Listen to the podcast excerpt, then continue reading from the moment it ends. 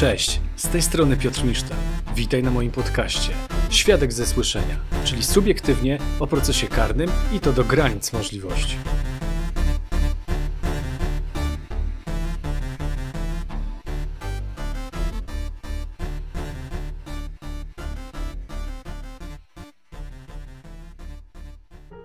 Każda historia ma swój początek.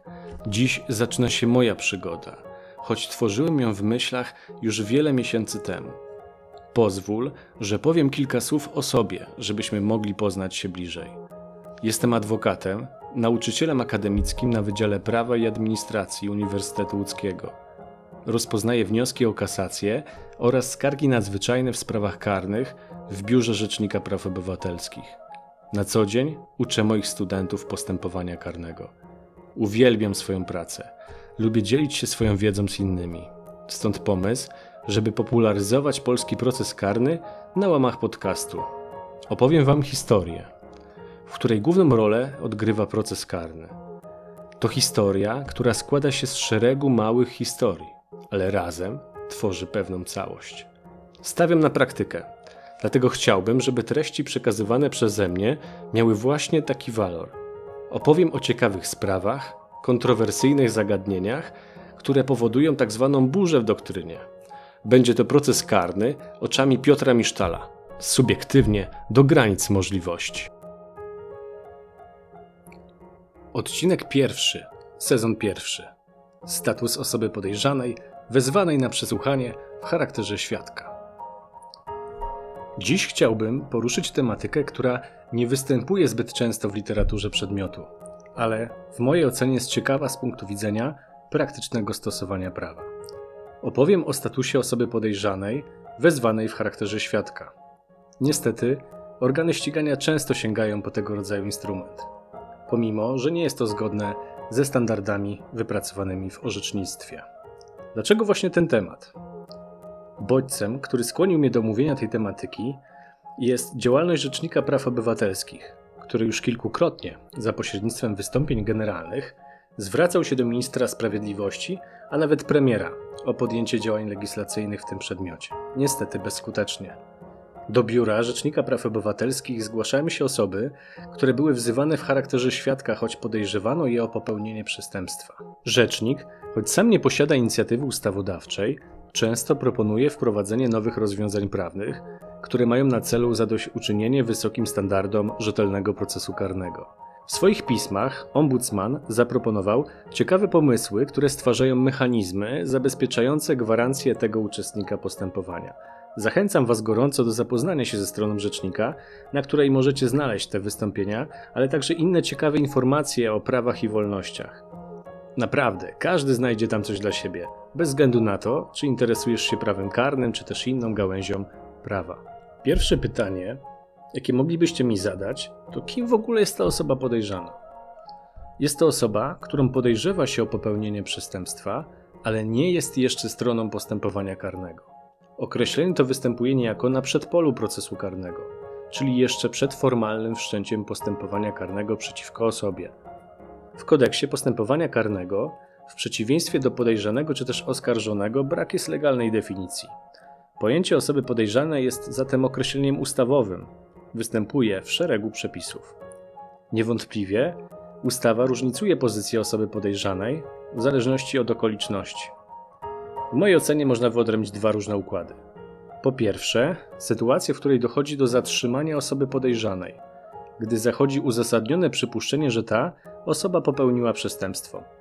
Przykładowo, jeśli sprawca za pomocą metalowego kija zniszczył wiatę autobusową o wartości 5000 zł, bezpośrednimi świadkami zdarzenia były osoby oczekujące na autobus, a całe zdarzenie zostało zarejestrowane przez monitoring miejski, to z pewnością zachodzą podstawy do zatrzymania, o których mowa w artykule 244 paragraf 1. W takiej sytuacji osoba ta posiada liczne uprawnienia, o których należy ją pouczyć.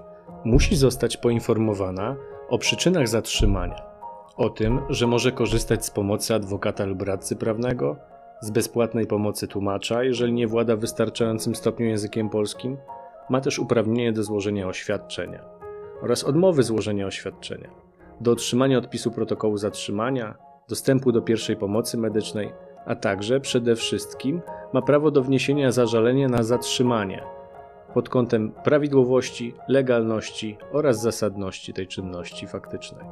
Taka sytuacja wyklucza jej przesłuchanie w charakterze świadka. Szerzej o tej instytucji opowiem przy innej okazji.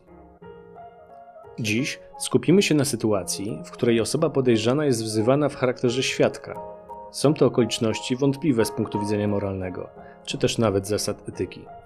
Świadek ma bowiem określone prawem obowiązki procesowe, którym musi co do zasady wypełnić. Jest on zobowiązany do stawiennictwa, złożenia zeznań oraz wyartykułowania swoich oświadczeń zgodnych z rzeczywistością. Składanie fałszywych zeznań stanowi przestępstwo stypizowane w artykule 233 paragraf 1. Kto składając zeznanie, mające służyć za dowód w postępowaniu sądowym lub w innym postępowaniu prowadzonym na podstawie ustawy, zeznaje nieprawdę lub zataja prawdę, podlega karze pozbawienia wolności od 6 miesięcy do lat 8. Co ciekawe, ze względu na dzisiejszą tematykę, odpowiedzialność karna wiąże się także z sytuacją, gdy sprawca czynu zeznaje nieprawdę lub zataja prawdę z obawy przed odpowiedzialnością karną grożącą jemu samemu lub jego najbliższym. W tych warunkach podlega on karze pozbawienia wolności od 3 miesięcy do lat 5. Składanie fałszywych zeznań to zarówno świadome wprowadzenie organów procesowych w błąd, czyli zeznawanie nieprawdy, jak i zatajanie prawdy, czyli przemilczenie prawdy. Warunkiem odpowiedzialności jest to, aby przyjmujący zeznanie, działając w zakresie swoich uprawnień, uprzedził zeznającego odpowiedzialności karnej za fałszywe zeznanie. W takim układzie dochodzi do swoistego konfliktu sumienia. Zeznawać zgodnie z prawdą, czy składać fałszywe zeznania, po to, aby nie dostarczać dowodów na swoją niekorzyść. Czy jeżeli osoba wybierze tę drugą opcję, czy poniesie odpowiedzialność karną za składanie fałszywych zeznań? Czy takie zeznania będzie można wykorzystać przeciwko niemu w dalszym postępowaniu? Czy zeznania pozostaną w aktach sprawy, nawet gdy stanie się on podejrzanym, a następnie oskarżonym w procesie karnym? Na te pytania postaram się odpowiedzieć. W procesie karnym oskarżony nie ma obowiązku dowodzenia swej niewinności ani obowiązku dostarczania dowodów na swoją niekorzyść. Jest to przejaw tzw. Tak zasady nemo se ipsum accusare tenetur. Najczęściej przyjmuje ona tzw. Tak formę prawa do milczenia. Oskarżony nie ma zatem obowiązku składania wyjaśnień oraz udzielania odpowiedzi na zadawane mu pytania. Powyższa reguła ma zastosowanie do oskarżonego w postępowaniu sądowym, jak i podejrzanego w postępowaniu przygotowawczym. Czy uprawnienie to przysługiwać będzie osobie podejrzanej? W mojej ocenie tak. W orzecznictwie Sądu Najwyższego, Trybunału Konstytucyjnego, a nawet Europejskiego Trybunału Praw Człowieka podkreśla się bowiem, że prawo do obrony nie dotyczy jedynie postępowania przygotowawczego czy też jurysdykcyjnego, ale aktualizuje się na jego przedpolu, to jest jeszcze przed formalnym wszczęciem postępowania przeciwko osobie.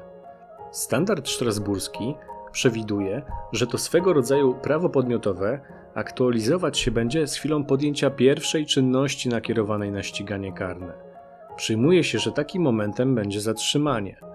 Mając na uwadze temat dzisiejszego odcinka, należy przyjąć, że będzie to także wezwanie osoby podejrzanej w charakterze świadka celem złożenia przez nią zeznań. Zatem osoba podejrzana nie tylko nie ma obowiązku wykazywania swej niewinności, ale także nie można oczekiwać od niej, aby dostarczała dowodów przeciwko sobie. Jak to pogodzić z obowiązkami świadka? Na pierwszy rzut oka wydaje się to całkowicie niemożliwe. Co jeśli osoba podejrzana wezwana w charakterze świadka zdecyduje się składać fałszywe zeznania? W tej kwestii trzykrotnie wypowiedział się już Sąd Najwyższy. W uchwale Sądu Najwyższego z 26 kwietnia 2007 roku wskazano niezwykle zasadnie, że nie ponosi odpowiedzialności karnej na podstawie artykułu 233 paragraf 1 kodeksu karnego osoba, która przesłuchana została w charakterze świadka, wbrew wynikającemu z artykułu 313 paragraf 1 KPK nakazowi przesłuchania jej jako podejrzanego. W uchwale z 20 września 2007 roku podkreślono, że nie popełnia przestępstwa składania fałszywych zeznań, kto umyślnie składa nieprawdziwe zeznania dotyczące okoliczności mających znaczenie dla realizacji jego prawa do obrony. I wreszcie w uchwale z 9 listopada 2021 roku podniesiono, że nie popełnia przestępstwa składania fałszywych zeznań, o których mowa w artykule 233 paragraf 1a kodeksu karnego, świadek składający fałszywe zeznanie z obawy przed grożącą mu odpowiedzialnością karną, jeśli realizując to prawo do obrony, zeznaje nieprawdę lub zataja prawdę, nie wyczerpując jednocześnie swoim zachowaniem znamion czynu zabronionego określonego w innym przepisie ustawy. Brzmi świetnie. Składanie fałszywych zeznań przez osobę podejrzaną nie będzie zatem wiązać się z poniesieniem odpowiedzialności karnej za składanie fałszywych zeznań. Ale czy to zapewnia ochronę osoby podejrzanej? Z całą pewnością nie. Wskazywane przeze mnie uchwały nie odnoszą się w tym zakresie do ochrony osoby podejrzanej tu i teraz, czyli w aktualnie toczącym się postępowaniu. Co z zeznaniami, jeżeli osoba podejrzana stanie się stroną postępowania? Czy będzie je można wykorzystać w procesie przeciwko niej? Czy takie zeznania pozostaną w aktach sprawy, pomimo zmiany statusu osoby podejrzanej? Jeżeli postępowanie zostanie przekształcone w fazę in personam, z całą pewnością odpowiedzieć możemy negatywnie, czyli nie będzie można bezpośrednio wykorzystać jej oświadczeń procesowych w dalszym toku postępowania. Jest to zakaz dowodowy, niezupełny o charakterze bezwzględnym. W praktyce niestety nie oznacza to usunięcia zeznań z akt postępowania karnego. Są one dostępne dla każdego, w tym dla sądu właściwego do rozpoznania sprawy, czyli orzekania w przedmiocie odpowiedzialności karnej oskarżonego. Czy osoba podejrzana może podjąć jakieś środki obrony, jeżeli jest wezwana na przesłuchanie? Oczywiście tak. Pierwszym z nich jest możliwość odmowy udzielenia odpowiedzi na zadawane pytania na zasadach określonych w artykule 183 paragraf 1 Kodeksu postępowania karnego.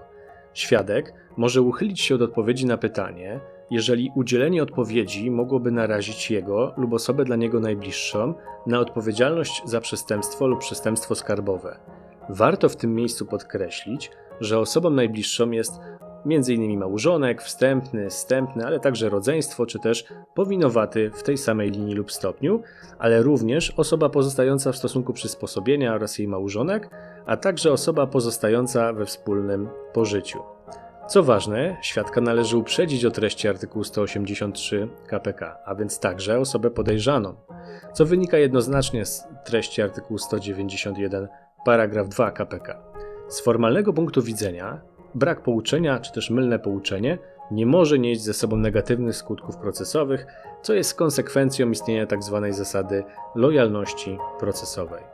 Kodeks zakłada przesłuchanie świadka, podejrzanego, biegłego, ale w zasadzie milczy co do sposobu czy też formy przesłuchania osoby podejrzanej. Adresatem przepisu wskazanego w artykule 183 paragraf 1 jest bowiem świadek, co wynika jednoznacznie z treści tego przepisu. Formalnie zatem przepis nie odnosi się do osoby faktycznie podejrzanej wezwanej w charakterze świadka. Trafnie podkreślił Sąd Najwyższy w postanowieniu z 4 czerwca 2007, że wynikające z przepisu artykuł 183 paragraf 1 uprawnienie przysługuje świadkowi, czyli osobie, która zgodnie z wiedzą organu ścigania nie jest sprawcą czynu, lecz osobom, która może posiadać wiadomości istotne dla ustalenia sprawcy lub okoliczności popełnionego przez niego przestępstwa. Przepis artykułu 183 paragraf 1 KPK nie może natomiast uzasadniać i usprawiedliwiać przesłuchania w charakterze świadka osoby, która wskazana została w zawiadomieniu możliwości popełnienia przestępstwa jako sprawca tego czynu, i to w sytuacji wykluczającej sprawstwo jakiejkolwiek innej osoby. Co jednak, gdy klient zostanie wezwany w charakterze świadka, choć sam przeczuwa, że jego status w niedalekiej przyszłości może się zmienić? Ciekaw jestem, co doradziłbyś, bądź doradziłabyś swojemu mocodawcy w takiej sytuacji. Przepis artykułu 183 paragraf 1 będzie mieć do tego uczestnika zastosowanie jedynie posiłkowe, z racji tego, że obecne przepisy nie gwarantują zabezpieczenia należytej ochrony tego uczestnika postępowania. Jest to zatem jeden z niewielu obecnie obowiązujących środków obrony, po które może sięgnąć skutecznie osoba podejrzana. Warto zwrócić uwagę, że na gruncie artykułu 183 paragraf 1 mowa jest o tym, że świadek może uchylić się od odpowiedzi na pytanie. No właśnie, najczęściej tych pytań podczas przesłuchania jest więcej. Należy przyjąć, że to świadek decyduje, czy skorzystać z przysługującego uprawnienia więcej niż raz. Może zatem skutecznie uchylić się od odpowiedzi nawet na każde pytanie. W kontekście sytuacji procesowej osoby podejrzanej, wezwanej w charakterze świadka, przepis ten stanowi niewątpliwie konkretyzację prawa do niedostarczania dowodów na swoją niekorzyść. Na co warto zwrócić uwagę? Ano na to, że przepis artykułu 183 paragraf 1 nie daje podstaw do niestawienia się na przesłuchanie. Nawet gdy osoba wezwana w tym charakterze, czyli ta osoba podejrzana wezwana w charakterze świadka, jest przekonana, że będzie chciała z tego uprawnienia skorzystać. Przepis nie uchyla bowiem obowiązku stawiennictwa. Dlaczego moim zdaniem sięgnięcie po artykułu 183 paragraf 1 stanowi realny środek obrony? Po pierwsze, świadek nie ma bowiem obowiązku podawania motywów odmowy odpowiedzi na pytanie. Wystarczy, że powoła się formalnie na przepis artykułu 183 paragraf 1. Co więcej, organ nie jest uprawniony do kontroli przesłanek wymienionych w tym przepisie. Nie może żądać od świadka wyjaśnienia, dlaczego chce on odmówić odpowiedzi. Nie można świadka obciążać ciężarem dowodzenia tych okoliczności, bo wypaczałoby to sens omawianego uprawnienia. Świadek nie może być postawiony w takiej sytuacji przymusowej, w której miałby do wyboru jedynie świadome złożenie zeznań fałszywych, bądź też obciążenie siebie samego odpowiedzialnością karną bądź karną skarbową.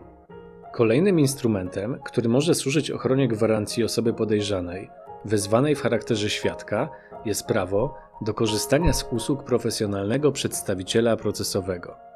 Od razu należy zaakcentować, że uprawnienie to wyprowadza się z przepisu ogólnego, to jest artykuł 87, paragraf 2 KPK, co niestety nie zabezpiecza osoby podejrzanej w sposób czyniący zadość zasadzie rzetelnego procesu. Dlaczego? Zgodnie z treścią tego przepisu, Osoba nie będąca stroną może ustanowić pełnomocnika, jeżeli wymagają tego jej interesy w toczącym się postępowaniu. Czyli muszą zostać spełnione dwie przesłanki koniunktywne. Po pierwsze, taki pełnomocnik dotyczy uczestnika, który nie jest stroną. Po drugie, muszą wymagać tego interesy w toczącym się postępowaniu tego uczestnika. Pełnomocnikiem osoby podejrzanej w takiej sytuacji może być adwokat lub radca prawny, ale z całą pewnością nie będzie tak zwany radca prokuratorii generalnej. Niewątpliwie osoba podejrzana nie jest stroną postępowania. No to już w zasadzie akcentowaliśmy na samym początku. Co więcej, nie wymaga też szerszego uzasadnienia to, że za przesłuchaniem z udziałem profesjonalisty przemawia ochrona jej interesów w toczącym się postępowaniu. Przyjmuje się, że osoba nie będąca stroną musi wykazać, czyli uprawdopodobnić, że za udziałem pełnomocnika przemawia ochrona interesów w toczącym się postępowaniu. W praktyce oznaczałoby to, że osoba ta powinna przyznać przed organem, że wie, a co najmniej przeczuwa, że jest obiektem dużego zainteresowania organów ścigania, co z marszu stawiają przecież w gorszej sytuacji procesowej.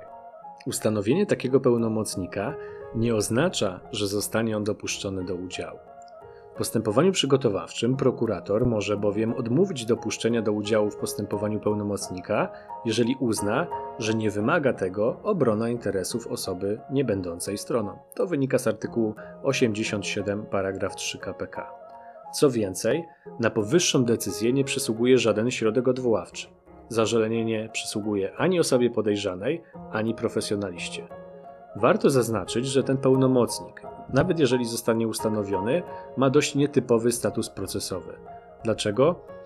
Nie jest to pełnomocnik w takim słowa znaczeniu, jak ma to miejsce przy reprezentacji strony innej niż oskarżony, czyli np. przy pokrzywdzonym.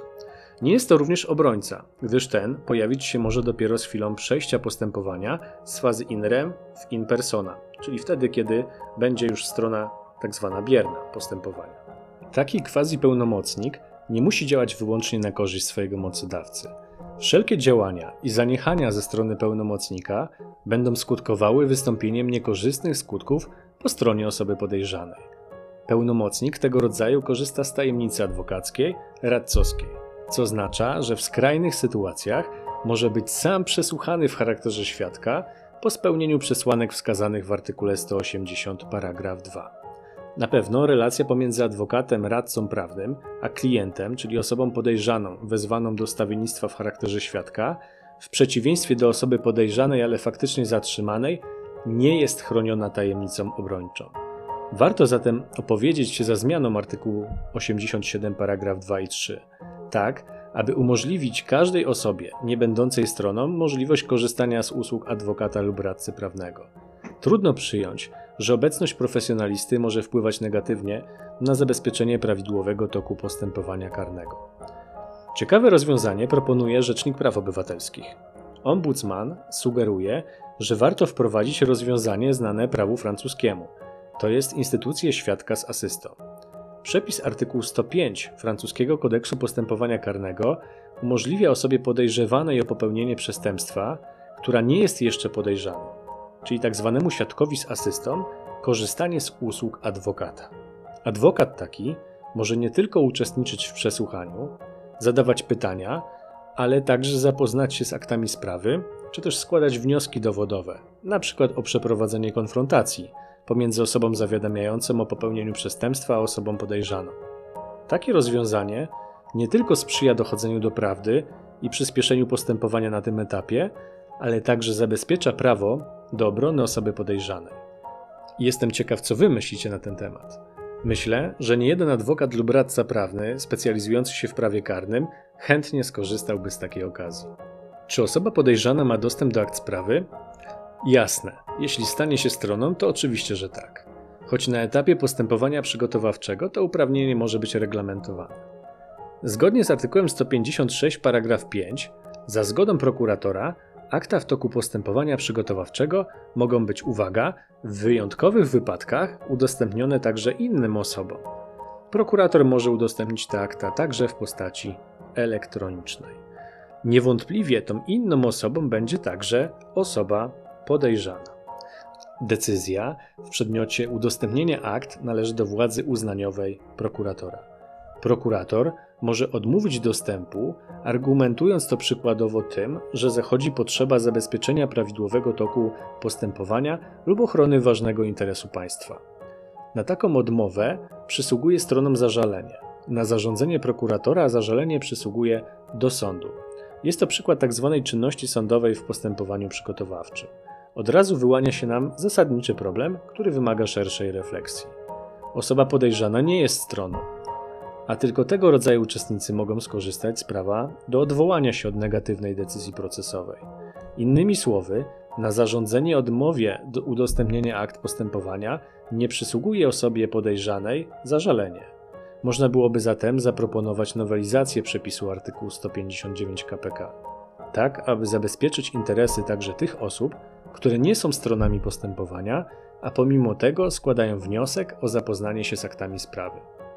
Obowiązujące przepisy nie przewidują żadnej procedury, która skutkowałaby koniecznością zniszczenia protokołu przesłuchania czy też wydzielenia go z głównych akt sprawy. Oznacza to, że zeznania zalegają w aktach sprawy i każda osoba, która je przegląda, może się zapoznać z ich treścią. Choć nie można formalnie wykorzystać zeznań osoby podejrzanej przesłuchanej w charakterze świadka, jeśli dojdzie następnie do jej transformacji w stronę postępowania, z uwagi na omawiany już przeze mnie zakaz dowodowy, to można to uczynić w sposób pośredni, choćby w celu zadawania określonych pytań podejrzanemu, czy też w dalszej fazie oskarżonemu. W takim układzie zeznania, które nie mogą być dowodem, są transferowane legalnie do procesu karnego.